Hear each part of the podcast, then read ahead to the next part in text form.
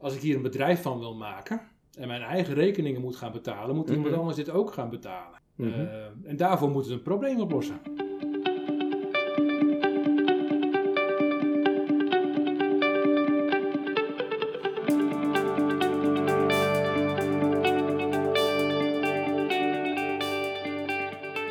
Leuk dat je luistert naar de Strategie van de Kreeft podcast. De podcast over veranderen en vernieuwen in bestaande organisaties en bedrijven. Mijn naam is Chris Brees en vandaag ben ik op bezoek bij Victor Rijkaard. Hij is werkzaam bij de TU Delft, kwartiermaker en oprichter van Aerospace Innovation Hub, een pre-incubator.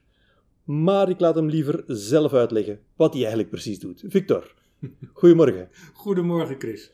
Fijn dat je er bent. Welkom op de TU Delft. Eh, we zitten hier op de dertiende verdieping. Ik had je eigenlijk een, een mooier uitzicht willen bieden dan deze druilerige dag. Eh, desniettemin, van harte welkom. Dank je, dank je. Pre-incubator Aerospace Innovation Hub. Ja, Wat doe je eigenlijk allemaal? wat doe ik eigenlijk allemaal? Ehm, ja, voor wat betreft die hub. Wij kwamen eigenlijk tot de conclusie een paar jaar geleden dat er heel veel aandacht is voor start-ups en start-up groei. Dat zag je ook eh, terug eh, in Nederland. Er kwam steeds meer aandacht voor scale-ups. Het moest allemaal hoger, groter, verder. Mhm, Wat is je investeringsniveau? mhm. En ehm, ja, ik ben toch een, een, een Delftenaar wat dat betreft met een zwak voor de klussende techneut. Dus de jongens en meiden die al studerend iets, iets te pakken krijgen van techniek, daarmee aan de slag gaan en denken van verdorie, dat is mooi. Mhm. Maar voor die, voor die eh, jonge mensen was eigenlijk nauwelijks plek in de, in de incubators, die erop gericht zijn om van een start-up een scale-up te maken. Ja. Ehm, en wij wilden ons gaan richten op de groep die er eigenlijk voor zit. Die speelt met een techniek, met een technologie, daar vol van is en zich afvraagt: is dat nu iets waar ik een onderneming mee zou kunnen starten? En daar hebben wij eh, voor de niche aerospace, Mhm. eh, de Aerospace Innovation Hub, voor opgericht. Dus echt eh, een niche van een niche. Aerospace en dan nog pre-incubator. Pre-incubator. Mensen die een oplossing hebben waar misschien geen probleem voor bestaat. Voilà. Je zegt het. Ah ja, precies vertel, vertel. Nou ja, dat is natuurlijk wel. ehm, en ik denk dat dat een, iets is wat je bij technische wannabe startups eh, wel vaker ziet. Die zijn zo vol, zo vol van, een, van een techniek, van een technologie. Of dat nou code is voor software of een, eh, een slim mechanisme. Dat ze daar vol in gaan en mee aan het ontwikkelen slaan. Hun, hun ontwikkelhart, hun designhart laten spreken. En zich pas later realiseren: ah, als ik hier een bedrijf van wil maken. En mijn eigen rekeningen moet gaan betalen, moet iemand Mhm. anders dit ook gaan betalen. Mhm, mhm. Eh, en daarvoor moeten we een probleem oplossen. Dat, Ja. is, dat is pas later aan de hand bij die technische stap. Ja, juist. Want eh, om het even tot leven te brengen, waar moet ik aan denken als je zegt Aerospace Innovation? Ja, ja wij hebben dat. ehm, eh, wij pakken dat best breed aan. Dus het kan, dat zijn ehm, eh, technologieën die de wereld van de lucht- en ruimtevaart eh, in de wereld van de lucht- en ruimtevaart innoveren. Ja. Dus vliegtuigen, raketten, satellieten, luchttransport, daar een innovatie teweeg Mhm, brengen. mhm. Maar het kan ook andersom zijn. Dat het een technologie is uit de lucht- en ruimtevaart die we in een andere branche aanwenden om daar een innovatie teweeg te brengen. Ja, doe eens wat voorbeelden. Oh, nou, die, ja, die zijn er legio. Zoals eh, zonnepanelen die gebruikt worden op, ehm, op satellieten. Hè, om ze van eh, Ja, energie ja, te voorzien. Ja. Eh, er wordt gekeken naar die hoog efficiënte zonnecellen. Mhm. Welke toepassing kan, daarvoor gebruiken, hè, kun je daarvoor maken in de, in de niet-lucht- en ruimtevaartwereld? Hè, dat is dus een, een spin-out eigenlijk van de, van de lucht- en ruimtevaartwereld. Ja, oké. Ehm, en innovaties binnen de, binnen de lucht- en ruimtevaart. Ook eentje uit de ruimtevaart die ik zelf eh, altijd erg aansprekend vind. Is dat, kijk, satellieten die, die vliegen rondom onze aarde. Die worden aan de ene kant beschenen door de zon. Zijn ze goed warm. Aan de andere kant kijken ze naar het donkere heelal. Zijn ze ijskoud.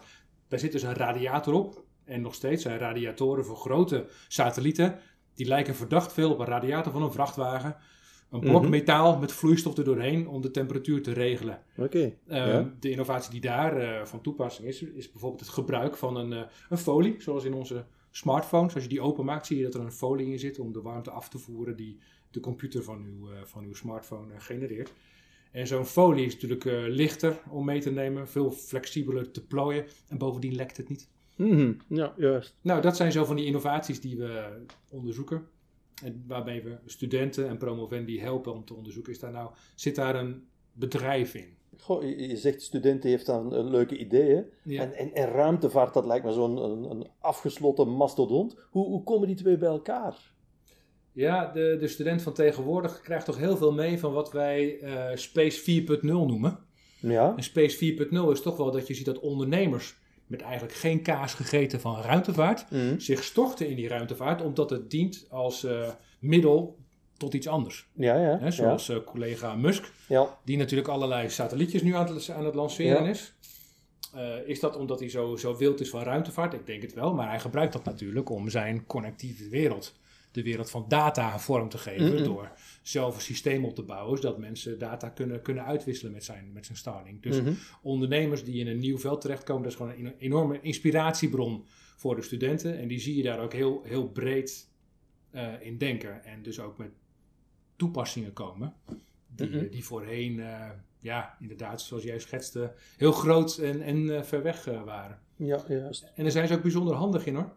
Eh, vijf jaar geleden had ik een jonge man die hier pitchte. Ik, we zitten zo aan tafel zoals wij hier nu zitten. En die Ja. zat voor mij, nogal deadpan heet dat volgens mij. Ja, Victor, wij gaan een raket ontwikkelen waarbij we low-cost, low-cost satellieten om een ba- in een baan om de aarde kunnen brengen. Wij denken dat daar een markt voor is. Nou, ik kijk nu zoals jij nu kijkt. Jongeman, wat een prachtig idee, maar dat lijkt een omvang te hebben van de Saturnus, de, de, hè, Ja, we, go, ja. we go to the moon. Hè? Ja, ja, ja. Hè? Not because it's easy. Hè? En, en dat heb ik hem ook zo, ehm, zo meegegeven. ja, ja. Eh, van joh, wat is eigenlijk je plan B dan? Wist hij toen nog niet. Mhm. Eh, maar we zijn nu vijf jaar verder. Ja. De bewuste jongeman eh is nu, geeft nu leiding aan een bedrijf van 60 mensen. Zo. Met twee hoofdkwartieren. Eentje in Nederland, eentje in Nieuw-Zeeland. Ehm, en zijn druk bezig daar te geraken. Hè? Hebben een, ehm, een, eh, een luchtvaartuig ontwikkeld.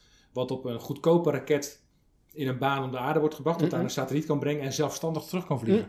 Dus een, een reusable eh, eh, apparaat. Ja, bijzonder. Ja, en hoe ze dat nou hebben gerealiseerd, Ja, en dat is ja. voor mij de eye-opener Ja. geweest, is dat ze hebben gezegd, ja luister eens, in één keer zo'n grote stap maken, dat gaan we niet redden. Nee.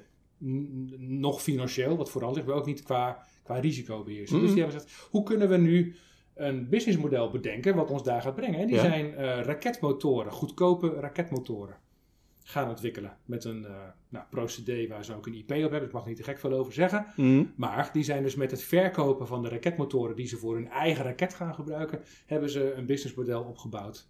En zijn ze langzamerhand zo aan het werken naar die, eh, dat, dat eind. Wow. Ja, Hey, en want eh, dat is dan een traject eh, vijf jaar, denk ik dat je net zei. Ja. Hoe, hoe werkt dat dan? Hoe, hoe zit jouw rol erin? Hoe, kom, hoe komen ze binnen? Dat vertel je net. Ze Ja. zaten hier aan tafel. Ja. Eh, en dan tot het punt waar ze nu staan. Hoe, hoe werkt dat dan? Ehm, nou, inmiddels hebben ze het, het, het nest van de ja. Aerospace Innovation Hub verlaten. En zijn ze echt aan het schalen geslagen. Wanneer een club bij ons binnen wil komen, doen ze dat eigenlijk vanwege drie, drie elementen die Ja. wij bieden. Enerzijds is dat, ehm, en dat is heel plat, eh, je kan bij ons wat euro's krijgen. Die worden beschikbaar gesteld door de universiteit. Ja. Om eh, spulletjes te kopen, dat noemen ze het Start-up Voucher. Mhm. Eh, om een prototype te maken of een stuk van een prototype om te testen, om te valideren. Wordt dit iets? Ja. Kan dit iets? En wat doet het dan? Hè? Zodat je er ook mee naar een potentiële klant kan gaan laten zien van kijk, daar, hier zijn we mee bezig. Maar echt een technische validatie. Een technische validatie. Ja. Oké. Maar met een technische validatie, daar red je het niet mee. Eh, er zijn nog twee andere dingen voor nodig. En dat is geïnspireerd worden Ja. door peers en het netwerk, het ecosysteem. En dat is wat we fysiek bieden eh, op deze dertiende verdieping van de faculteit Lucht- en Ruimtevaart. Waarbij we dus ehm start-ups een, eh, een plek bieden. Ja. En meerdere start-ups dus eh tezamen komen en met elkaar kunnen spreken over waar ze mee bezig zijn, welke uitdagingen ze hebben. En elkaar ook inspireren tot, zo gaan wij daarmee om. Plus, eh, wij organiseren ook heel veel evenementen. Mhm. En waar, daarbij injecteren we in feite een soort energie. Ja. Dus er komen sprekers. Sprekers van, hè, die, die iets vertellen over, eh, ja, heel eenvoudig, wat zijn eigenlijk de legal entities die je als bedrijf kunt aannemen. Mhm. Wat voor techneuten ook al een grote eye-opener is. Ja. Maar bijvoorbeeld ook, eh, we hebben een heel warm netwerk eh, in het Nederlandse en Europese lucht- en ruimtevaartwereld, ja. dat CEO's en CTO's van bedrijven hier komen, vertellen wat over de uitdagingen van hun bedrijf. Waar is Airbus mee bezig? Wat zijn de, de uitdagingen van een Airbus? En die dan ook pitches krijgen van de start-up. En zo een uitwisseling, dan ontstaat er een uitwisseling ehm, over uitdagingen en eh, mogelijke oplossingen. En daar, daar komen hele mooie eh, werkbezoeken uit. Daar wordt verder over gesproken. En zo zie je dat dat ehm, de ontwikkeling van de start-up versnelt. Oké. Ja, dat is het element nummer twee. Twee, element ja. nummer drie. ja. Ehm, wij eh, maken gebruik van, ja, wij noemen dat business coaches. Dat is een beetje een deftige naam voor ehm, eh, mensen die eh, met de start-ups in gesprek gaan, regelmatig, als sparringspartner. Eh, ze hoeven er niet op de sofa, hè? als zo'n coach moet je er niet bij denken. eh, hè? Maar ze worden wel uitgedaagd om eens eventjes wat verder te gaan dan waar hun hart zit, namelijk bij, de, bij die techniek. Ja. Namelijk met wie ben je dit aan het doen? Ja. Hoe Ja. divers is jouw team? Ja. Ehm, heb je eigenlijk al eens een eh, gebruiker geïnterviewd over wat je van plan bent? Uiteindelijk, wat is het probleem van jouw gebruiker? Mhm. En geeft jouw techniek daar eigenlijk wel een antwoord op? Dus daar leg je het link naar organisatie en naar markt, eh, klant, concurrentie. Ja, en dan vooral validatie en zit Ja. ik op het juiste spoor. Ja, ja precies. Want dat is, wat, eh, dat is ook wat ik aangaf als een van de risico's of risico's. Als een techneut gaat, eh, gaat ondernemen, dan is het belangrijk dat hij de, dat hij de klant opzoekt. Ja. En ja, zonder te willen generaliseren, je ziet toch wel vaak dat techneuten met elkaar tot wonderschone, inspirerende gesprekken komen. Maar als ze dan plotseling tegenover iemand zitten van een bedrijf die dat dan moet gaan afnemen, dat het dan ja, een beetje spannend wordt gevonden. Ja, ja, ja. Wat voor vragen krijg ik dan? ja. En ik wil, hè, wat er dan heerst is, ik wil op die vraag een heel gedetailleerd antwoord kunnen geven, terwijl die details er nog helemaal niet zijn. Ja, precies. Ja, ja, ja. Eh, en die Ja. business coaches, die helpen Ja. ze dan dat eh, in gang te zetten. Ja. En ook, een beetje soms als stok achter de deur. Ja. We hebben afgesproken dat jij deze maand drie clubs zou bellen. En in gesprek heb je dat ook gedaan. Zo ja, pluim, pluim op de hoed. Wat heb je nou geleerd? Zo Ja. nee, ja, wat is er aan de hand? Hey, want je vertelde net van, langs de ene kant heb je dus die, eh, die studenten, wil, eh, prachtige ideeën ehm, vanuit technische ingang. En ik hoorde je ook over Airbus en analogen Hmm. praten die hier... eh, waar zit de vraag, waar zit het aanbod?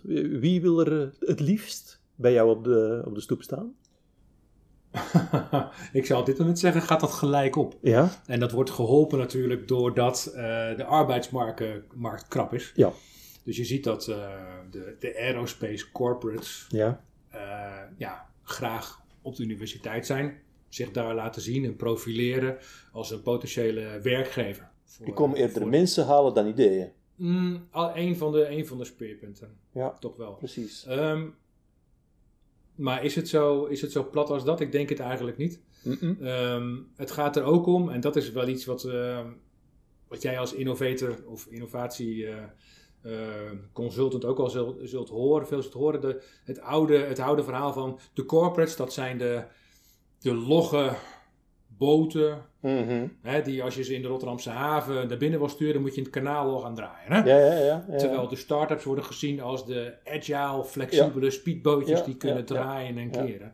En de meeste corporates zien dat en weten dat ook van zichzelf. En omringen zich daarom ook graag met die speedbootjes om uitgedaagd te worden op bijvoorbeeld eh, dan wel eigen uitdagingen. Hè, Je ziet dus dat bedrijven hier naartoe komen. We hebben Airbus loopt hier rond. Ja, We hebben Embraer, dat is een Spaans, een Braziliaans ehm, eh, vliegtuigbouwbedrijf. Eh, Fokker loopt hier rond. Mhm. En die komen hier met hun eigen uitdagingen Mhm. en gaan dan het gesprek aan Mhm. met de start-ups, met de studenten. En hopelijk in de toekomst ook nog meer met de, met wetenschappers en onderzoekers, want die zitten hier op steenworp afstand. Ja, ja. Joh, wij, wij zitten hiermee. Eh hoe kijken jullie daar tegenaan? Eh, zou daar een oplossing voor zijn? Dus dat, die, die, die Hm. draaien eigenlijk de vraag, de vraag om. Hm. En ehm, ja, intrapreneurship, dat werkt ook het beste natuurlijk wanneer je je laat voeden door dat wat er buiten jouw bedrijf gebeurt. En dat, wij kunnen een prima eh, voedingsplek zijn Ja, voor die ja. inspiratie. Maar dus jij spreekt zowel students als corporates? Ja. Dit is toch twee echt verschillende talen? Ja, Oké, ja. ja. Ik voel me soms ook net een vertaalmachine. Mag je gerust weten. Het aan elkaar, het aan, het aan elkaar knopen. Ja, juist. En ehm, ik hecht ook heel veel waarde aan eh, wat ik zelf oliemannetjes en olievrouwtjes noem. ja, ja. Dus het, eh, het, eh, het continu in beweging brengen van een gesprek, maar ook van ehm, ja, reuring. Mhm. Reuring. Dus ehm, kijk, het is heel goed dat je met elkaar een businessplan deelt. Het is heel goed dat je met elkaar een slide deck deelt over Ja, hoe ingenieus een bepaalde oplossing is. Ja. Maar als het bij een, kale uitwisseling blijft, is de kans op dat er, dat er daarna iets moois gebeurt eh, tot op een zekere hoogte. ja. Maar wanneer je daarna, daarna met elkaar in de, aan de slag gaat, dus een pilot oppakt, ja.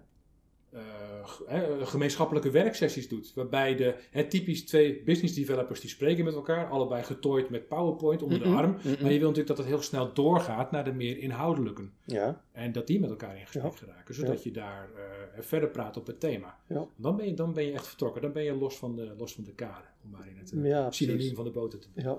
Eh, Victor, in, in de analogie van, van ons boek, hè, van eh, Strategie van de Kreeft. hè, De kreeft die eh, voelt dat panzer begint te knellen, omarmt dat ongemak en maakt een groeisprong. Eh, welk panzer herken je eigenlijk bij die studenten? Welk panzer herken je bij die corporates, waar zij mee worstelen? Hmm. Ja, laten we beginnen bij de, bij de start-ups. Ja? Want daar is wel degelijk een panzer, denk ik. Mhm. Maar dat is een panzer van liefhebberij. Dat zijn, hè, het is het, het panzer van, ze zijn niet voor niets in Delft gaan studeren. En ik denk dat dat voor Twente en Eindhoven even zo goed zou kunnen gelden. Ja.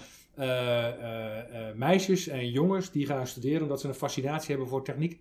En hoe dat werkt en hoe dat eh, eh, tot, iets, eh, tot iets komt. Mhm. En of dat nu over natuurkunde gaat, of over chemie, over energie. die, zijn, er- die zijn daar vol van. En die zijn daar zo vol van dat, dat, dat, dat ze niet in eerste instantie ook de gebruikskant meenemen. Ja, ja. Ehm, ja, is dat dan een panzer? Het is een zekere gestriktheid, denk ik. Ja. Vanuit liefhebberij, vanuit het hart, Ja, vanuit het hart gezien. En dat is natuurlijk wel iets wat je ehm, kan bespreken. En waarvoor je, ja, of dat nou openbreken van een panzer heet, of het afleggen van dat panzer, of in ieder Ja. geval bewust worden van, hé, hey, er is ook een hele andere wereld. Het zakelijke aspect. Het we zakelijke aspect. Op zijn minst ehm, moeten begrijpen, en liefst een beetje. Ja, en dat daar eh, natuurlijk ook altijd de mens eh, een hele belangrijke rol in speelt. Oh ja, ja, Want technologie kan nog zo knap zijn als het niet gebruikt wordt, om allerlei redenen. ja, Je kan iets bedenken wat eh, een bepaald probleem wegneemt, maar waardoor je als passagier van een vliegtuig bijvoorbeeld eh, toch een andere route neemt. Maar als ons gedrag zo ingesleten is ja. dat dat helemaal niet in vraag is, dan, Ja. dan komt die hele technologie gaat niet natuurlijk tot gebeuren. waarde. Ja, ja, precies. Ja. Dus het, eh, de, het gedragselement van mensen is ook een, een belangrijk aspect. ja, ja. Het panzer van de corporate. Ja, lucht- en ruimtevaart is natuurlijk een, eh, een industrie die, en maar goed, dat, dat zou je met andere, andere mensen die je tegen- tegenover je hebt ook horen, een beetje speciaal is. Mhm.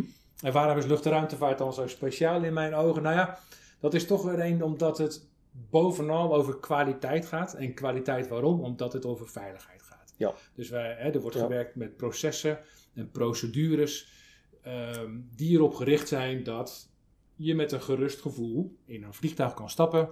Omdat je weet, hier is zo goed over nagedacht, dit is zo goed ontwikkeld, dit is veilig. Dus het proces en procedure, die, die focus, ja. eh, is, is natuurlijk super sterk. want er komen hele kwalitatief hoogwaardige producten uit.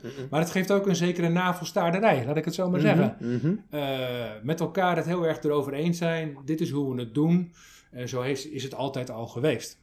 En dat maakt dus die sector dan ook heel erg conservatief. Dat maakt het wel een tikkeltje conservatief, dat klopt. En als je dan aan de boom gaat schudden Ja, van zo'n conservatieve ja, eh, wereld, dan loop je natuurlijk wel er tegenaan dat eh, elementen zoals co-creatie. ja, ja, ja, ja, ja. Co-creatie is iets wat eh, ik denk onderbelicht is in de luchtvaartwereld. Dus dat je de eindgebruiker probeert mee te nemen, bijna in het fundamenteel onderzoek naar toekomstige toepassingen. En dat is ook een mooi bruggetje naar, naast de, de hub waar ik eh, ehm, aan werk, hè, ben ik ook eh, kwartiermaker van Flying Vision. Een samenwerking tussen industrie en wetenschap om technologie te versnellen. En het unieke daarvan is, althans vinden wij, juist het element van co-creatie.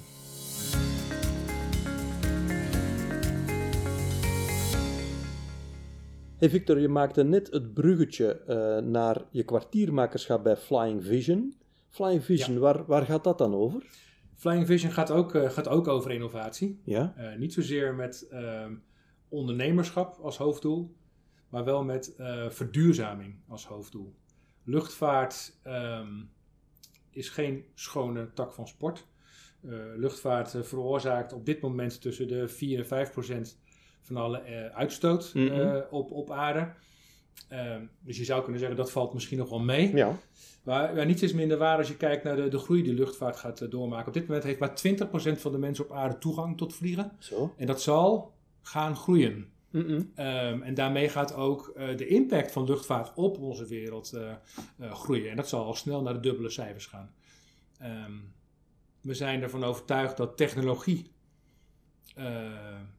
het middel is om eh, die verduurzaming eh, gestalte te geven. Ja.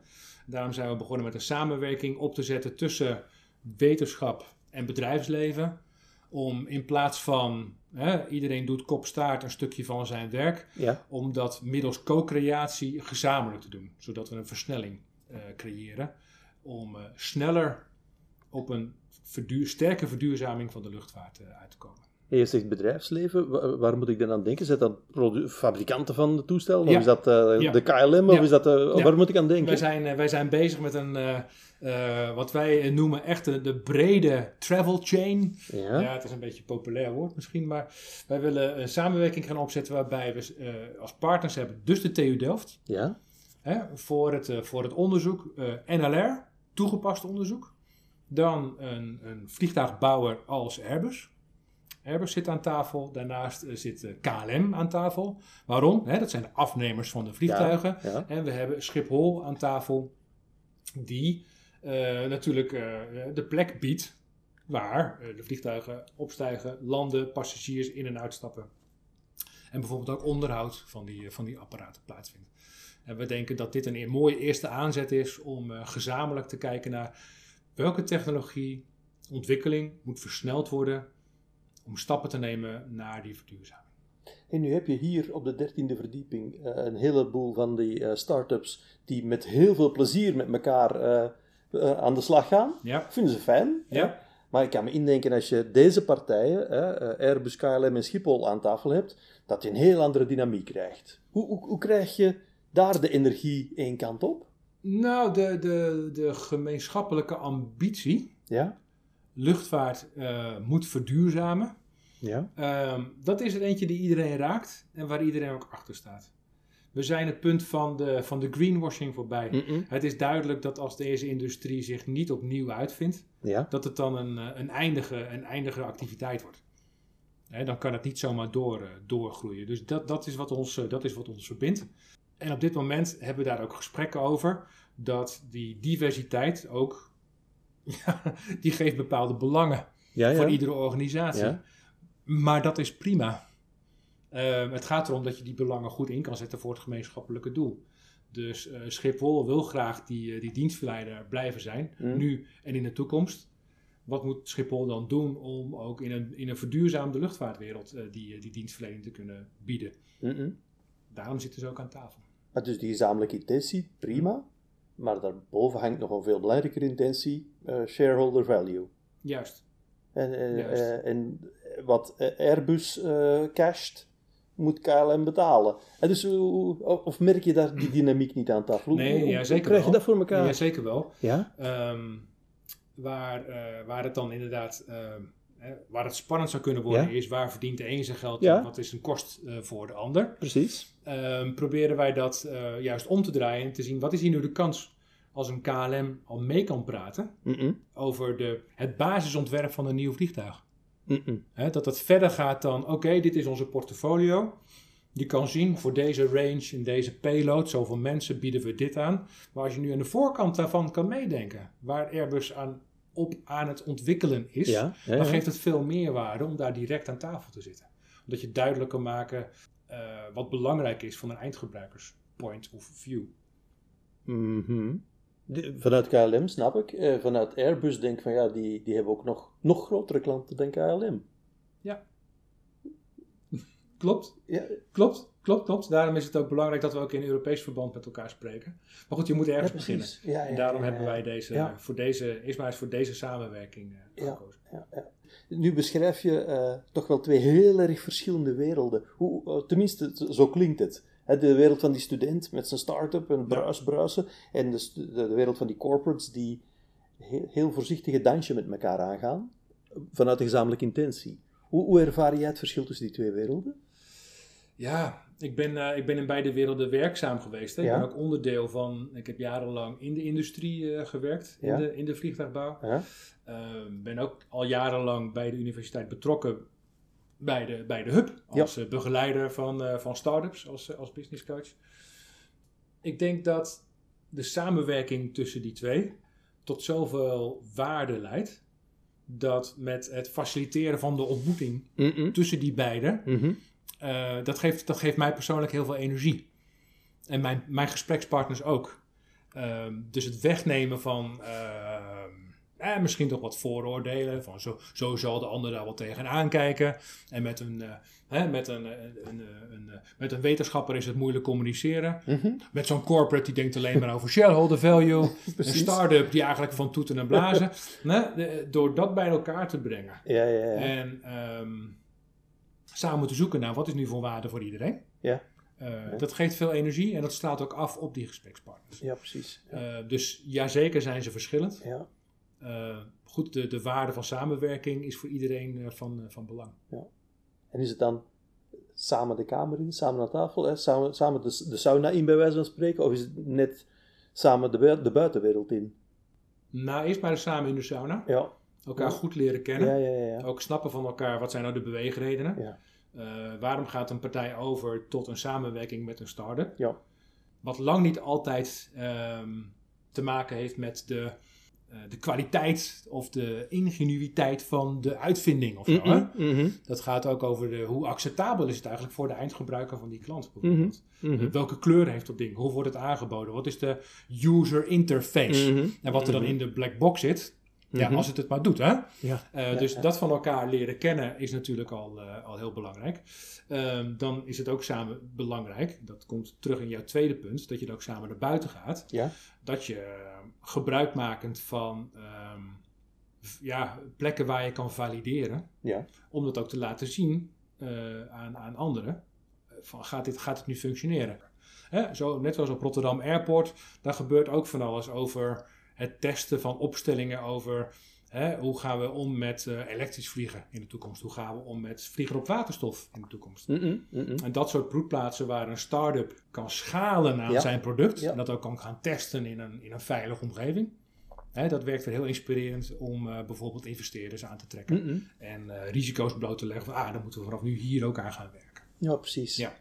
Hey, want je hebt zelf ook die technische achtergrond. Jazeker. Hè, eh, hoe, hoe heb jij die ontwikkeling gemaakt van goh, ik, eh, technisch hard, maar ik, ja, ik, zie hoe, hoe jij ook gewoon het, het, het klantdenken, het marktdenken, het concurrentieel denken, eh, het denken in termen van al die krachten helemaal omarmt. Ja. Hoe, hoe, hoe, hoe heb jij die sprong gemaakt? ja, de, proefondervindelijk, denk ik. Ik ben hier afgestudeerd Ja? En aan het werk gegaan bij, eh, bij Airbus. kwam ik in het design office terecht. Het ontwerpbureau van Airbus. En daar vond ik mijzelf in een gigantisch groot gebouw in Engeland waar vleugels werden ontworpen. En ik keek om me heen en ik zag rijen en letterlijk rijen van ontwerpers achter hun scherm. En ik moet zeggen ook toen nog tekentafels. Mhm. Die eigenlijk allemaal voor zichzelf aan een klein stukje van die vleugel bezig waren. Ja. Fantastisch interessant, maar ik Hmm. voelde me daar zo eenzaam. Werd namelijk nauwelijks gesproken. Oh. Ja. Ehm, en al snel kwam ik tot de conclusie dat techniek voor mij tot leven komt. Ja. Wanneer ik bijvoorbeeld ontwerpers van een stuk vleugel in verbinding ben met de mensen op de productievloer. Die die Mhm. stukjes vleugel dan weer aan elkaar moeten gaan lijmen, klinknagelen, bouten. Mhm. Ehm, en daar eh, de vertaalslag te kunnen maken van wat het besluit aan de ene kant betekent voor de ander. Mhm.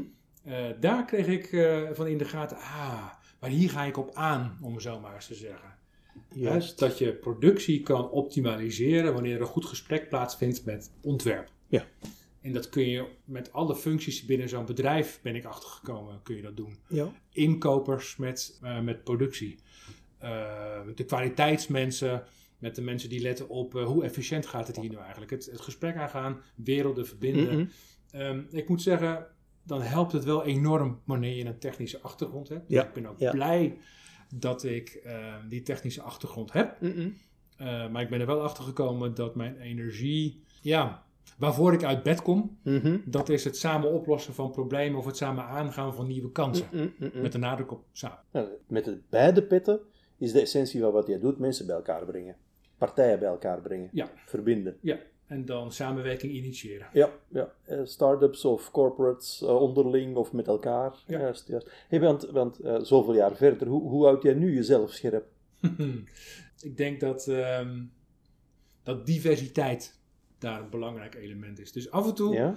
jezelf eens even goed blootstellen aan daar waar je dagelijks niet mee te maken Hey, doe eens concreet. Zo, hoe zoek je diversiteit Eh, op? Nou, ik ben bijvoorbeeld dit van een uh, jou welbekend uh, innovatienetwerk, de, de Yellow Cats. De Yellow Cats, ja. En die, uh, die hebben zo um, zes, zeven keer per jaar netwerkbijeenkomsten Mm -mm, mm waarbij een bepaald thema wordt beetgepakt. Uh, maar dat zijn dus mensen die allemaal wel aan innovatie werken, maar vanuit hele verschillende organisaties, -hmm. verschillende walks of life. Mm. Volgens mij ben ik de enige, de enigste techneut, mag ik dan, uh, Mm. mag ik dan zeggen. Daar zitten marketeers, communicatiemensen, uh, projectleiders vanuit banken, verzekeringswereld, -hmm. overheid, industrie.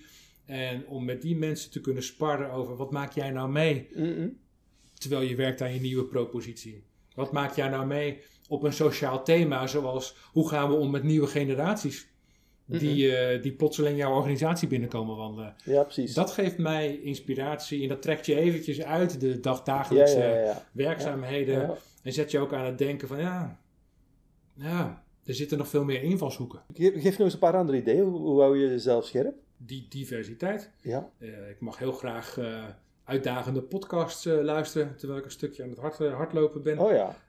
Met verhalen van, van ondernemers. Ja.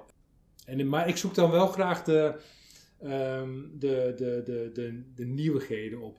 Mm -mm. Dus daar waar het wat uitdagend wordt. Juist. Um, en dat geeft, dat geeft wel eens inzichten waarvan ik dan denk, oei.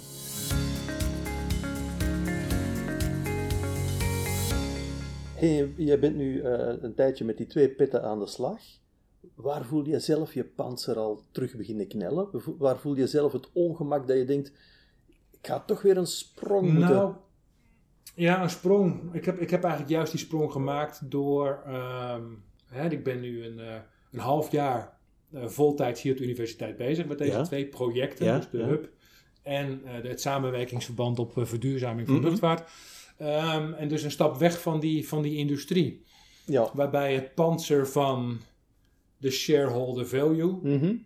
ja, die paste mij niet meer zo Nee, goed. precies. Ik merkte aan alles dat, um, en misschien heeft het wat mee te maken dat ik de prachtige leeftijd van 50 heb mogen be bereiken. Er moet toch meer in het leven zijn dan nog een tiende procent meer marge. Mhm. Mhm. Uh, namelijk onze planeet. Ja.